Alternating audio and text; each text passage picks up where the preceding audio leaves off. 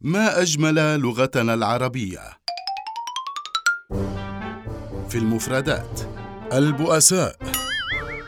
البؤساء عنوان الرواية العالمية للأديب الفرنسي الشهير فيكتور هوغو والعنوان الأصلي باللغة الفرنسية Les Misérables وعربت فصارت البؤساء.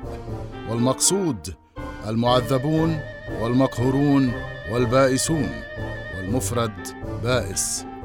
والفعل بائس يبأس بأسا وبؤسا. أما البؤساء فهي جمع بئيس وتعني الشجاع القوي ويقال العذاب البئيس أي الشديد.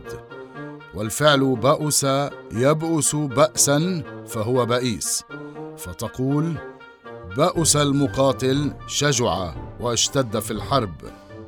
إذا جمع البئيس البؤساء. أي الأشداء الأقوياء. يا لعبقرية هذه اللغة.